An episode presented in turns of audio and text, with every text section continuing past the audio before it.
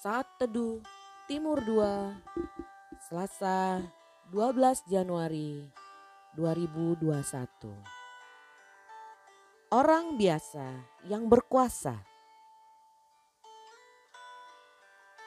Hal supranatural pertama yang dilakukan oleh Petrus setelah kenaikan Yesus ke surga adalah berkhotbah dan melihat kira-kira 3000 jiwa bertobat dan dibaptis.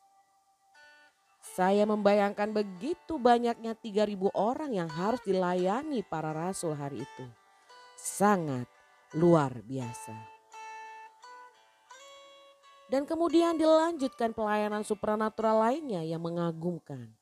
Dikatakan para rasul mengadakan tanda dan muzizat, menyembuhkan orang lumpuh dan sakit lainnya juga dari roh jahat.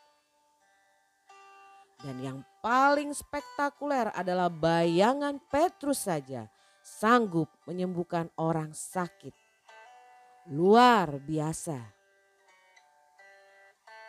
Rasul Petrus pernah gagal. Namun ketika dia percaya hidupnya penuh kuasa Allah dan dia melangkah, hal yang supranatural terjadi dalam hidupnya. Semua tokoh di dalam Alkitab adalah manusia biasa namun memiliki kepercayaan penuh kepada Allah yang luar biasa, sehingga mereka tidak saja mengalami hal yang supranatural dalam hidupnya pribadi, namun melakukannya bagi hidup orang lain. Firman Tuhan sudah diberikan kepada kita dalam Markus 16 ayat 17 sampai 18.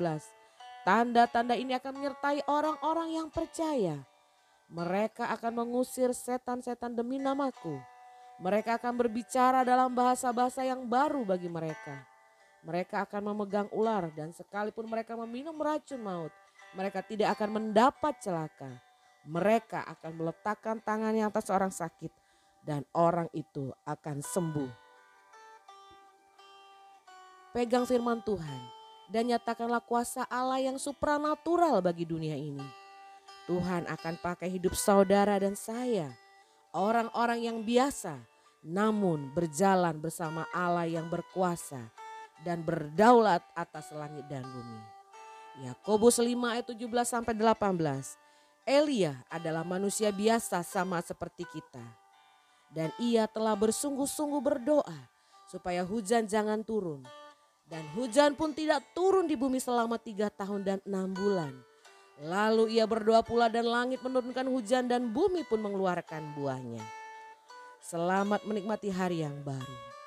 Tuhan Yesus memberkati kita semua. Shalom.